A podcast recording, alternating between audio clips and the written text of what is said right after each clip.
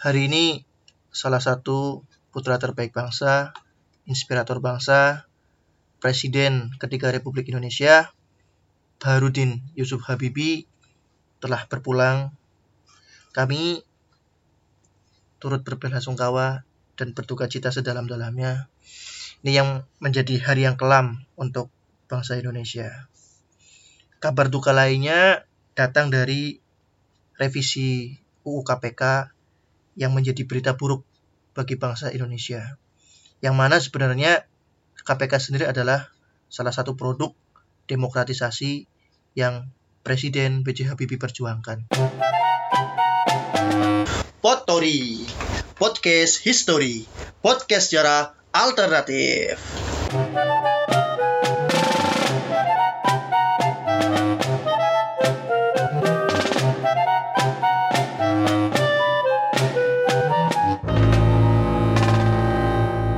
Selamat datang di podcast History episode selanjutnya. Jadi di episode kali ini kita akan ngebahas tadi yang udah sampai di depan juga tentang berita duka dari eh, KPK. Nah, sebenarnya kenapa sih dengan KPK ini? Ya, memang lagi rame ya. Jadi eh, apa? eh, KPK ini sedang kalau bahasa kita sih sebenarnya sedang ingin dibunuh pelan-pelan sih ya. Don ya menurut saya. KPK ingin KPK dibunuh ingin ingin dibunuh pelan-pelan. Ya atau Tapi kenapa kenapa? sedang Ada apa dengan KPK? pukuli ramai-ramai. Jadi ya semua itu bermula dari undang-undang RUU yang diajukan DPR mengenai revisi UU KPK. Hmm. Nah, kenapa sih kemudian eh, revisi UU KPK ini jadi bermasalah dan mengundang banyak protes? Hmm. Makanya kan eh, apa beberapa waktu yang lalu tuh bahkan banyak pegawai KPK itu mereka kan unjuk rasa kan. Iya. Terus kantor KPK yang ada di Rasuna Said itu, Hmm. gedung merah putih, Sampai Itu, logonya ditutupin eh, kain lo- hitam lo- juga. logonya ditutupin kain hitam juga. Terus? Ya mereka intinya Tanda protes, lah, Tanda protes bahwa sebenarnya kalau bahasa kerennya independensi ya. Hmm. Nah, itu kayak semacam kemandirian eh, atau kebebasan yang utuh dari KPK sendiri itu sedang terancam. Revisi ini tuh banyak poin-poin yang bermasalah yang nantinya sebenarnya bakal mempengaruhi kinerja KPK ke depan. Hmm. Kalau dari beberapa informasi ya Don ya, jadi kalau bos saya tuh selalu ngomong suasana kebatinan apa yang membuat DPR itu mengusulkan UU KPK. Oke. Hmm. Artinya Suasana kebatinan suasana apa? kebatinan apa Artinya yang membuat DPR me- Tiba-tiba ingin tiba-tiba merevisi merevisi UU KPK. Nah, Awal mulai gini, banyak kayaknya ya eh, orang-orang yang duduk di Senayan sana tuh kayak ngerasa gelisah dulu tuh. hmm. Jadi satu tuh mereka merasa bahwa KPK itu anarko. Apa tuh? Anarko yang dimaksud tuh kayak kayak mereka tuh nggak beraturan. M- Mereka mereka tuh kayak tidak manut aturan lah, berbuat seenaknya menurut versinya DPR. Hmm. Ya sebenarnya gara-gara itu simpel sih. DPR tuh nggak suka lah kalau misalkan sadap-sadapan, Hmm. kayak misalkan eh, bocor-bocoran informasi. Oke. Ya, mereka menganggap itu tuh hal yang nggak etik sebenarnya, nggak ada etikanya, sopan. nggak sopan. segala macam. Makanya dalilnya kayak dia ngomong, oh KPK seenaknya sendiri. Nah, Nah, terus dalil lain tuh kayak misalkan selama ini KPK nangkepin DPR, nangkepin siapa OTT termasuk OTT Hmm. itu kayak dianggap nggak sopan. Ya secara etika Tidak sih sopan. tidak sopan, cuman kan secara secara moral kan benar. Ya maksudku emang salahnya di mana sih kalau orang nangkap korupsi? Iya nggak sih? iya betul. Iya kan? Ya menurutku. DPR-nya aja bermasalah. Jadi suasana kepada DPR itu itu merasa Hmm. kayak tidak dihormati, merasa kayak misalkan KPK itu anarko, anak yang bandel, anak Tapi yang sok apakah- gagah-gagahan. Tapi apakah sebenarnya cara ini cara DPR untuk menutupi kesalahan-kesalahannya dia sendiri sebenarnya biar nggak ditangkap KPK juga sih. Ya sebenarnya. iya, memang iya jelas mereka mereka ingin apa menutupi borok-boroknya. Karena kan selama ini memang sasaran KPK paling banyak siapa? Ya yang Iya. terhormat, yang mulia Dewan Perwakilan Rakyat dan teman-temannya itu kan. Hmm, Nah, itu kan hanya kemudian bungkus konstitusi aja. hmm, hmm. Karena mereka merasa diuntungkan dalam posisi birokratif, posisi konstitusi, mereka merasa kita bisa nih kemudian menguasai KPK. Oh iya, terus ada suasana kebatinan lain Don. Apa? Salah satunya itu kayak mereka tuh ngerasa bahwa ini KPK kok nangkapnya orangnya ini ini ini ya. Artinya ada rasa curiga. Maksudnya, Rasa contohnya, curiga. contohnya? Misal nih, gue KPK, ya kan? lu KPK. Lu anggota partai ASU. Anggaran semuanya untukmu. Nah, Oke. nah terus Nah, aku nangkepin nih anggota-anggota lu. Oke, Ya kan, terus- oke, terus Lu ketangkep, terus temen lu ketangkep, Ah. segala macem. Terus kayak anggota-anggota dari lain. legislatifnya tuh kayak ngerasa ini settingan nih. Nah, settingan settingan tuh kayak misalkan karena partai itu dong yang ditangkap. Iya, jadi ada ada semacam opini ya atau keresahan yang digiring bahwa ini KPK pasti ada yang nung- nunggangin nih. Jadi Oh, DPR tuh oke. kayak menggiring teman-teman lainnya lah ya KPK itu Hmm. seolah-olah tuh ada yang nunggangi gitu loh. Padahal Oke. sebenarnya KPK itu independen, artinya dia bukan lembaga negara yang bisa kayak kementerian kayak apa. Hmm, Orang yang kerja di KPK statusnya juga bukan ASN. Oke. Ya statusnya ya pegawai KPK. Hmm. Nah, itulah yang kemudian membuat DPR mengusulkan revisi UU KPK. Menurutku anu ya, revisi UU KPK ini muncul karena rasa takut dan mereka tuh pengecut sih menurutku loh ya. Hmm. Meskipun dengan dalih-dalih konstitusi-konstitusi atau yang lain lah ya. Kalau kamu coba dengarkan pembelaan mereka di TV-TV itu, mereka ngomongnya KPK ini tidak konstitusional. Artinya gini, mereka bebas menggeledah-geledah eh, institusi- institusi-institusi lain, tapi emang ada yang eh, mengkoreksi dari dalam diri KPK. Nanti Mm. diarahkan ke sana, gitu loh. Jadi mereka ingin mengontrol KPK, ingin melemahkan, makanya dinamakan kele- melemahkan tuh kayak gitu. Karena wewenang KPK yang sangat luar biasa, bisa operasi tangkap tangan, bisa eh, sadap menyadap, dan DPR ini sebenarnya merasa resah sih. Menurutku sih kayak gitu Eh, Oke. ini orang kampret siapa sih yang ngusulin RUU KPK ini nih? Oke. Jadi- Sebelum masuk ke poin berarti sebenarnya siapa sih eh, iya, di DPR kita kita ini yang tahu kebanyakan mengusulkan untuk merevisi undang-undang KPK? si pengusulnya itu satu, Siapa? fraksi Gerindra. Fraksi Gerindra. Nah, ini bangsatnya kemudian didukung oleh fraksi-fraksi lain, termasuk PDIP, Hmm. P3 loh, Hmm. Nasdem, Golkar, Hmm. Hanura, Hmm. PKS, Oke. PKB, Oke. sama PAN. Coba dihitung hampir semuanya, coy. Nah, kenapa Gerindra yang mengusulkan ini? Apakah ada sangkut pautnya juga? aku nggak tahu ya mungkin ada lobby-lobby apa gitu misalkan ya mungkin gini loh Don kayak misalkan ketakutan kamu akan ditangkap itu kan merebak ya karena kamu satu institusi kan ini kan tinggal perihal siapa yang akan dorong-dorongan kan Berarti dari penjelasan kamu yang sebelumnya berarti orang-orang yang ditangkap ini kebanyakan Gerindra. ya nggak juga sih sebenarnya. Enggak juga. cuman mungkin Gerindra aku nggak tahu ya. Apakah cap cip cup di antara DPR lu lah yang ngajuin revisi lah terus lu lah lu lah. Gue nggak tahu ya. Masih lobby-lobby apa. Tapi ya menurutku sih semuanya takut sih. Cuman ini mungkin Gerindra ketiban apa saja. Tapi yang jelas ya semua semua orang yang atau semua fraksi yang mendukung revisi UU KPK ini ya Semua fraksi berarti artinya semua DPR mendukung. Enggak juga. hampir ya partai-partai ini tuh Semua anggota DPR mendukung. Nah, menurut menurutku ada yang enggak. Cuman kan kemudian suara suara mereka suara, mereka kan kemudian tertutup suara fraksi kan. Oke, jadi balik, lagi ke pertanyaan sebelumnya, sebenarnya poin-poin apa yang yang yang direvisi, Nah, yang dianggap melemahkan KPK itu apa? Jadi kalau misalkan nih revisi KPK ini benar-benar disahkan, yang rencananya mau disahkan 24 September 2019 ya. Tapi Nah. bukannya sudah disetujui sama Nah. presiden? Harusnya presiden itu punya hak untuk menolak dia sebagai penjaga gawang. Permasalahannya kayak aku nggak tahu ya orang-orang di belakang Jokowi itu kayak manas-manasin. Ya sama aja orang pe- salah satu fraksi pendukung revisi UU ini juga PDIP juga kan. Harusnya Jokowi baca lah. Kalau misalkan nih ya Anda justru menolak ini wah Anda bisa jadi legenda Pak. Tolonglah berdiri. Biar Anda tuh herois gitu loh maksud saya tuh. Nah poin-poin yang bermasalah nih ya Hmm. menurutku nih. Ada kok beberapa kemudian orang-orang KPK menyebarkan ini kan. Salah satunya itu satu independensi KPK yang terancam jadi salah satu muatan pasal dari RUU ini adalah KPK akan dibuat sebagai lembaga pemerintahan. Yang efeknya? yang Akan? efeknya jelas. Ketika revisi UU ini pas du- 24 September disahkan nih nanti KPK akan di-shutdown nah semua kasus yang sedang ditangani KPK sekarang itu tuh bakal dihentikan. Bayangkan aja. Semua pegawai juga akan dihentikan untuk bekerja. KPK jadi lembaga pemerintah yang contohnya mungkin sama lah kayak model-model kementerian atau segala macam. Hmm. nanti pegawainya ASN PNS bayangin Terus? aja coy. Aneh gak sih KPK PNS gitu loh? Nanti kan dari pemer dari pemerintah misalnya gini nih. Nangkepin ayo woi nangkep ini bupati apa apa menteri ini. Terus KPK ini loh kerja dibayar negara. Masih aja Oke, na- na- oke, nangkepin oke, oke. Aparatnya negara kan nanti dalilnya kayak gitu bisa Oke. jadi dong Karena tidak ada independen. Enggak nggak ada independensi. Harusnya KPK kan kayak cowboy itu loh maksudku Oke. tuh. Dia tuh liar. Poin selanjutnya. Penyadapan dipersulit dan dibatasi. Iya, jadi penyadapan hanya boleh dilakukan nanti setelah ada isinya dari Dewan Pengawas. Nah, permasalahan ada di sini Don. Dewan Pengawas ini, ya kan, itu kan dipilih sama DPR, Hmm. ya kan? Lah, orang Yang mau ditangkap DPR iya mau ditangkap DPR dia yang ngawas. udah udah mau ditangkap sok-sok ngawasin kan aneh.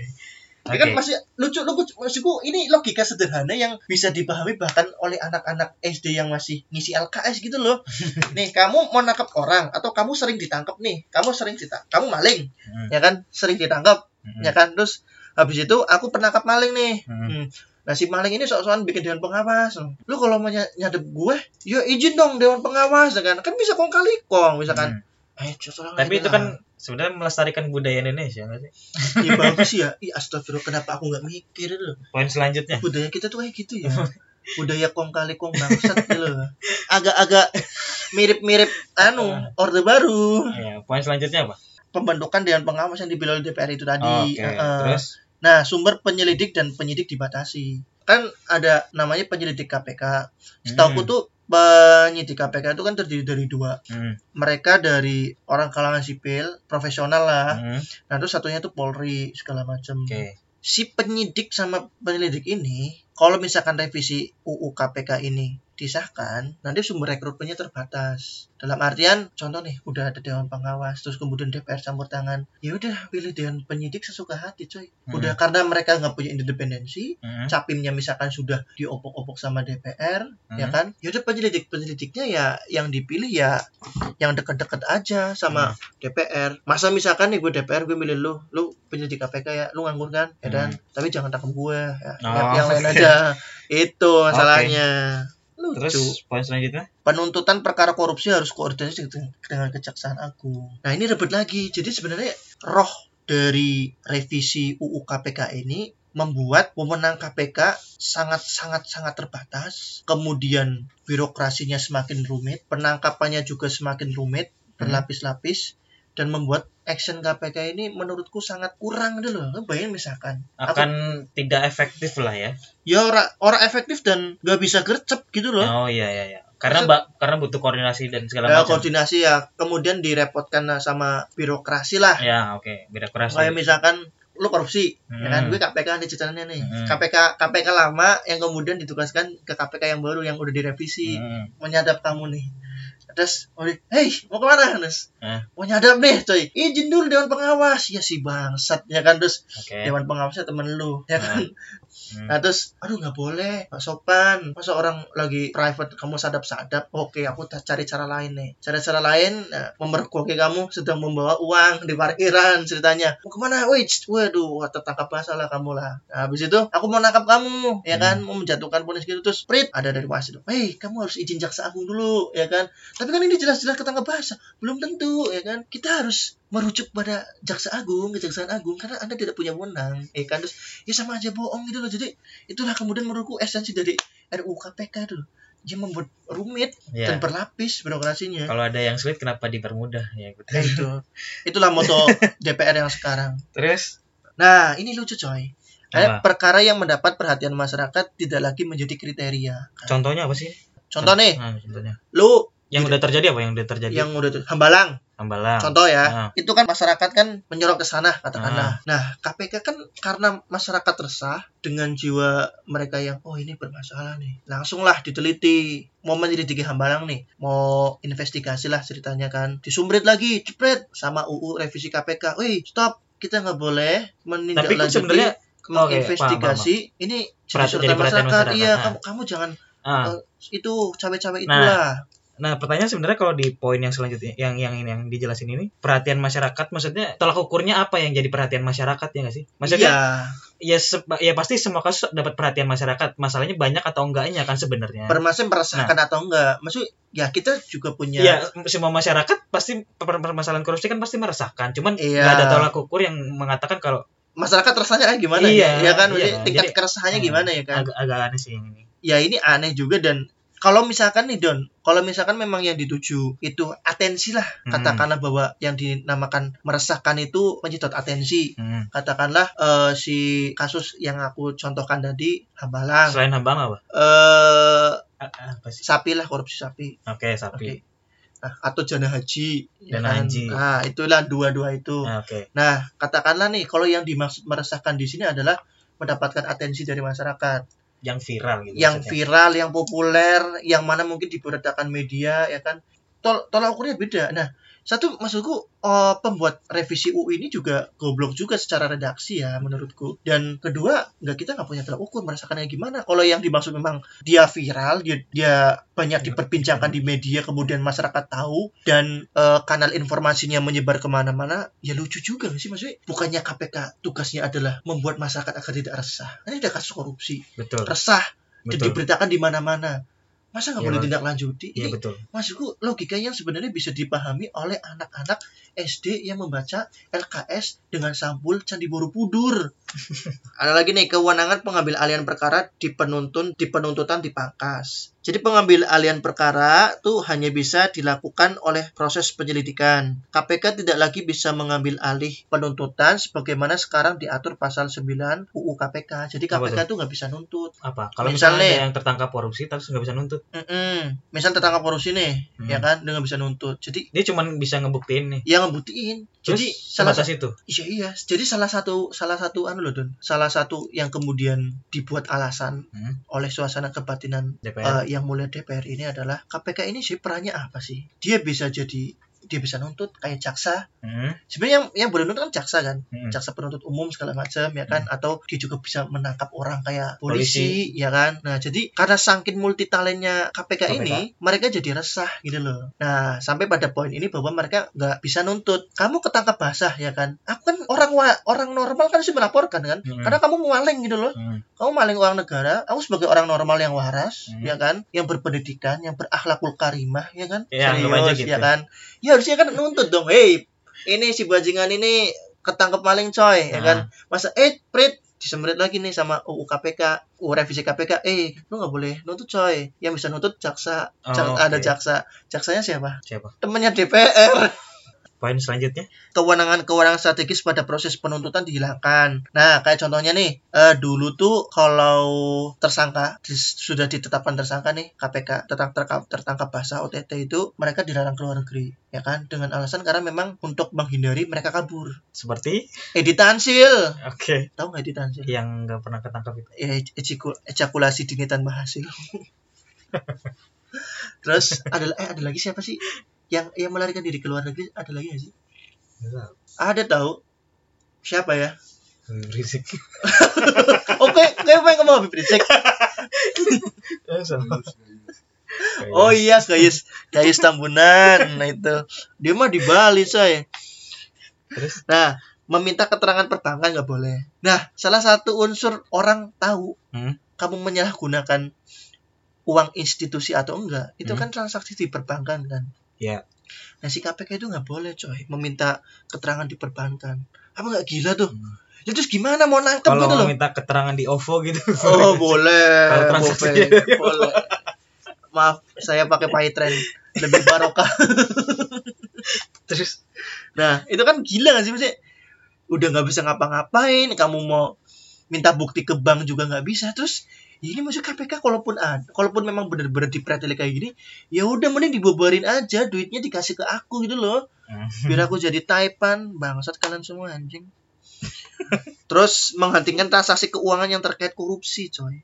Mm-mm. dulu kan misal kamu terkait kasus korupsi nih transaksi keuangan langsung dihentikan apa, tuh kayak? ATM ATMmu disita Oh, segala di- macam. Ah, terus Terus maksudnya boleh dipakai gitu. ya boleh. Ya kamu kayak nggak kayak nggak tersangkut kasus korupsi aja. Let it go gitu loh. Let it flow gitu loh. Let it go. Terus? Nah meminta bantuan Polri dan Interpol nggak boleh. Kenapa tuh? padahal kan sebenarnya kan ya po- Yang po- Polri kan punya wewenang untuk Hmm. menangkap kan. Nah harusnya kalaupun misalnya KPK sudah tidak boleh lagi diperkenankan untuk menangkap ya harusnya boleh dong kerja sama sama Polri ini udah nggak boleh memeriksa Hmm. nggak boleh nuntut ada dewan pengawas Oke. harus izin jaksa agung Oke. mau nangkep orang nggak boleh kerja sama sama Polri sama Interpol nah terus ini gimana apa sih gitu ya? gitu loh kayak mati segan hidup juga tak mau gitu loh atau di ujung tanduk beneran Oke. KPK berada di ujung tanduk. Tapi kita carilah peribahasa yang lebih lebih gila gitu loh Don. Yang lebih sedih yang lebih menyayat hati gitu bahwa biar orang-orang tuh sadar itu menyedihkan tau. Sumpah. Oh, anjing kamu. kayak melihat melihat mantanmu melahirkan. melahirkan anak anak. yang bukan dari hasil. spermamu. Itu. Itu sesakit itu poin selanjutnya. Nah terus kewenangan KPK untuk mengelola pelaporan dan pemeriksaan LHKPN LHKPN. dipangkas. LHKPN apa? Laporan hasil aduh apa ini? Ini adalah di masing-masing instansi. Jadi ada biasanya ada laporan instansi terakhir laporan hasil keuangan gitu kan Don. Nah terus nggak boleh mengelola pelaporan dan pemeriksaan. Mereka nggak boleh menyentuh itu. Nah hanya melakukan koordinasi sama supervisi jadi misalkan nih mau pelaporan eh tolong dong. Misalkan lo punya instansi Hmm. ya kan? Lu kan punya jurnal-jurnal transaksi segala macam lah pelaporan eh, tahunan segala macam. Gue mau meriksa Hmm. gue KPK nih yang sudah disunat? Sorry gue mau meriksa nih laporan keuangan perusahaan lo. Nggak boleh coy. Eh yang meriksa auditor aja lu jadi supervisi aja yang ngawasin. Kan bangga juga sebenarnya. Nah. itu. Eh, pertanyaan gini eh, DPR yang merumuskan ini sebenarnya dia punya referensi ke mana sih? Apakah pertanyaan sebenarnya apakah institu institusi seperti KPK ini di luar negeri itu memang eh, ya dibatasi seperti itu jadi mungkin salah satu referensi DPR eh, kenapa dia ingin membatasi KPK atau sebenarnya kayak instansi-instansi atau institusi seperti KPK ini di luar negeri itu seperti apa? Set- ya setauku nggak ada institusi model KPK di luar negeri sih don Hmm. jadi kayak kayaknya KPK cuma ada di Indonesia deh kalau misalnya lu Karena ketang- yang korupsi di ya Indonesia. kalau yang korupsi banyak di Indonesia Oh, gitu. kita udah, udah punya KPK masih aja indeks korupsinya kan nomor dua apa nomor tiga Hmm. di dunia kalau di luar, luar negeri segala kewenangan langsung kemudian dipegang oleh jaksa jadi semua perangkat hukumnya jalan dari jaksanya jalan dari segi eh, yudikatifnya jalan dari segi kepolisiannya juga jalan kalau lu Hmm. ketang- langsung ketangkep itu lah ya jadi menurutku KPK itu anomali gitu loh Iya, Anom- anomali di eh, Indonesia Berarti referensinya benar dong kalau keluar negeri dengan ya jaksa dan Polri dan segala macamnya. Ya benar, tapi kan permasalahan apakah kemudian kultur luar negeri bisa disamakan dengan Indonesia gitu loh. Hmm. Maksudku, menurutku loh ya, Hmm. KPK ini kan terbentuk eh, dari tahun eh, 2002 kalau nggak salah. Nah, ada Undang-Undang RI nomor 30 tahun 2002 yang mengatur kom- Komisi Pemberantasan Tindak Pidana Korupsi. Hmm. Jadi secara tidak langsung bahwa KPK ini lahir dari semangat reformasi. Hmm. Artinya, pas Orde Baru, ketika hampir semua perangkat pemerintahan itu korup, Hmm. ya kan, masyarakat tuh nggak percaya, nggak punya kemudian satu monumen, satu simbol. Ini ada nggak sih orang yang jujur gitu loh? Oke. Akhirnya dibentuklah badan itu, KPK namanya. Oke, tadi ada disempat disinggung juga di awal kalau KPK ini dibentuk dari Ya eh, menurutku apa? hasil hasil demokratisasi, demokratisasi dari B.J. Habibie. Nah, B.J. Habibie. Jadi apa? Kalau meru- eh, merujuk semangat semangatnya KPK yang apa? Ada kepastian hukum, Hmm. keterbukaan dalam artian kayak transparansi keuangan dari segala aspek birokrasi di Indonesia terus ada kepentingan umum Hmm. terus proporsionalitas nah KPK ini sebenarnya bertanggung jawab langsung kepada publik Hmm. kepada masyarakat Hmm. yang artinya adalah sebenarnya apa ya panditonya atau kemudian bos besarnya adalah publik sendiri jadi gini Don semua lembaga bisa saja korupsi kan Hmm. bahkan DPR yang beberapa kali saja sasaran Bahkan KPK-nya sendiri. Ya Ya, bisa jadi. ya maksudku ya itu kan isu-isu yang kemudian ditiupkan oleh DPR kan. Oke. tapi kan selama ini apakah KPK nggak pernah nangkap orang? Hmm. maksudku selama ini yang ditangkap KPK juga maksud itu tindakan benar ya? Ya, ya kan? Orang nangkap orang maling kan benar ya? Betul. ya kan? Meskipun caranya menurut eh, yang terhormat DPR tidak sopan. RI ini tidak sokan dan tidak etis dan anarko-anarko ya. Nggak tahu mereka sebut tahu anarko apa enggak sih. Nah, terus anarko tuh nggak percaya sama negara nggak sih. Struktur pemerintahan ada struktur apa yang lain. Nah, oke terus Nah, terus eh nah, tapi kemudian laporan pertanggungjawabannya itu kepada Presiden DPR dan BPK. Memang bisa dipahami kan? Jadi eh gini, KPK ini adalah salah satu badan independen yang semangatnya untuk melayani publik, Hmm. melayani masyarakat luas secara langsung. Hmm.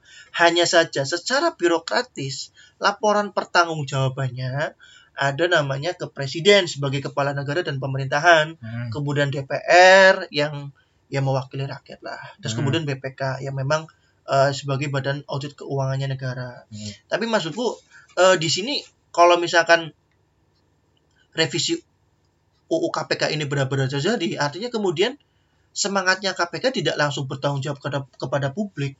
Tapi selain mereka disunat, mereka juga akan menjadi tukang ngepelnya DPR, tukang bersih-bersihnya DPR, atau justru menjadi figuran dalam perpolitikan tanah air menurutku loh sampai separah itu. berarti se- mungkin sejarah terbentuknya KPK tadi tuh karena em, masyarakat butuh sosok yang Butuh sosok simbol, sih. Simbol. monumen, Sim- simbol. monumen. eh, siapa sih orang jujur di Indonesia Iya, gitu menurutku kan. apa gara-gara maka terbentuklah KPK ini Mm, dan salah satu hasil demokratisasi yang kemudian dipercaya oleh Habibie adalah ya hak serikat dan hak ya membentuk serikat lah membentuk perkumpulan-perkumpulan kayak gitu yang memang eh, didasarkan atas ide-ide jadi semua ide-ide tidak dilarang dan ya hadirlah KPK di sana sebagai monumen bahwa masih ada orang-orang dengan semangat kejujuran yang ingin membersihkan birokrat birokrasi Indonesia yang sempat dicap korup dan kehilangan kredibilitasnya di masa di mata masyarakat pas zamannya Orde Baru. Oke, baru. itu. Jadi bagi kalian nih yang berusaha merevisi UU KPK secara nggak langsung loh ya mereka telah mengembalikan Orde Baru ke zaman sekarang. Dan secara tidak langsung mereka adalah musuh musuh langsung demokrasi dan demokratisasi di Indonesia Oke. dan secara tidak langsung mereka juga telah menginjak-injak ide dan gagasan yang telah dibawa oleh Presiden B.J. Habibie yang baru saja berpulang. Sungguh sumpah kalian dosa banget. Serius, mending kalian minta maaf, datang ke makamnya, yasinin, ya kan minta maaf karena kalian telah berbuat curang kepada KPK, telah berusaha menyedot KPK, telah berusaha menelanjangi KPK habis-habisan, telah berusaha memukuli KPK beramai-ramai. Itu sih, serius. Ini hal yang parah. Oke, jadi eh, kalau misalnya kita sebagai masyarakat, yang sebenarnya kita kan juga secara lembaga kita nggak punya kekuatan apa-apa. Iyalah, kita ya sebagai ma- masyarakat yang bebas aja lah. Nah, nah, Warga negara yang dijamin negara. Sebagai masyarakat sebenarnya apa yang bisa kita lakukan sih sebenarnya? Nah, aku, aku ini juga lucu dong sebenarnya. Saya kanal-kanal sekarang kan banyak ya Don ya. Hmm, Dengan kita bersuara di media sosial tuh seyogianya kan mereka kan tahu ya. Secara institusi, secara legal format kenegaraan, harusnya orang-orang DPR ini kan punya kanal.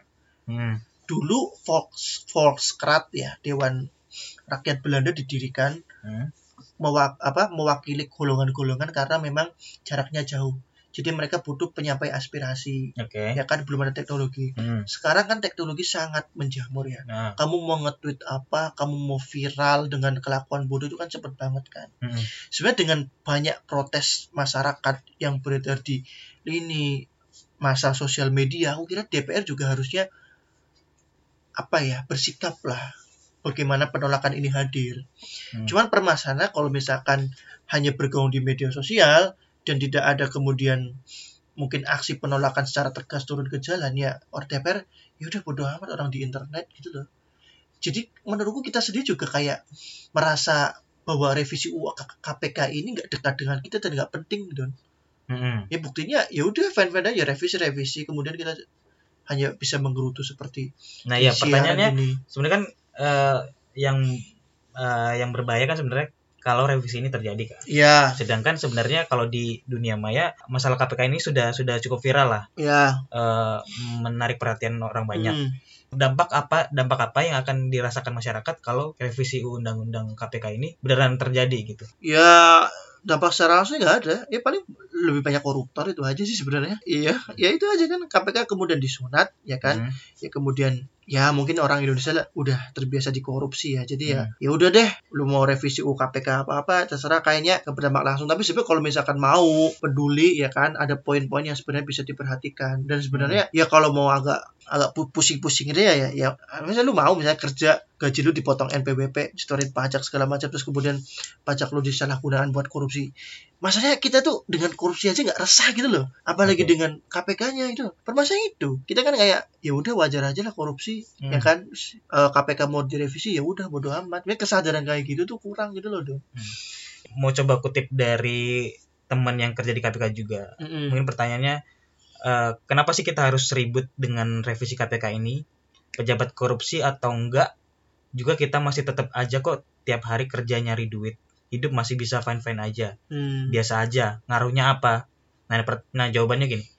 Mungkin sebagian besar kita ngerasa nggak terlalu berdampak dengan kehidupan kita sendiri saat ini. Tapi gimana dengan kehidupan dan keturunan kita di masa depan? Yakin keturunan kita atau kita pas udah tua masih hidup masih bisa hidup enak kalau uang-uang yang seharusnya untuk pembangunan negara agar rakyat sejahtera diambil oknum tertentu. Atau yakin nih nggak kesel udah selalu dipungut potongan-potongan yang katanya untuk negara tapi malah masuk kantong pejabat tertentu.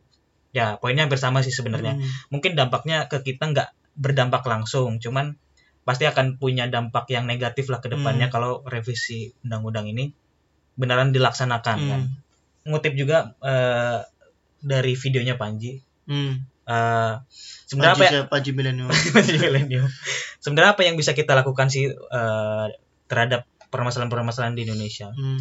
sebenarnya ya dari apa yang bisa kita lakukan aja gitu misalnya Hmm. kalau kita bisa turun ke jalan ya turun ke jalan atau atau misalnya kita punya media sosial ya kita gunakan aja media sosial Hmm. Eh, dia mengibaratkan seperti ini kayak eh, kita tidur dengan satu nyamuk di dalam satu ruangan Hmm. Gak sih gimana rasanya tidur dengan satu satu nyamuk di ruangan satu nyamuk aja kalau kita ngerasa tidur dengan nyamuk kan kita merasa resah gitu Hmm. apalagi kalau misalnya di dalam ruangan itu nyamuknya cukup banyak jadi intinya ya satu orang yang resah dan berbicara itu Hmm. akan mengajak nyam- eh, apa ya mengajak orang-orang lain untuk untuk berpartisipasi juga jadi orang terutama anggota DPR yang Hmm. permasalahan sini itu juga merasa resah gitu kenapa Hmm. eh, terhadap permasalahan ini jadi akhirnya ya bisa menjalankan fungsinya dengan baik lah nggak Iya. nggak- melemahkan KPK seperti ini we need to speak up gitu sih Oke, gitu aja.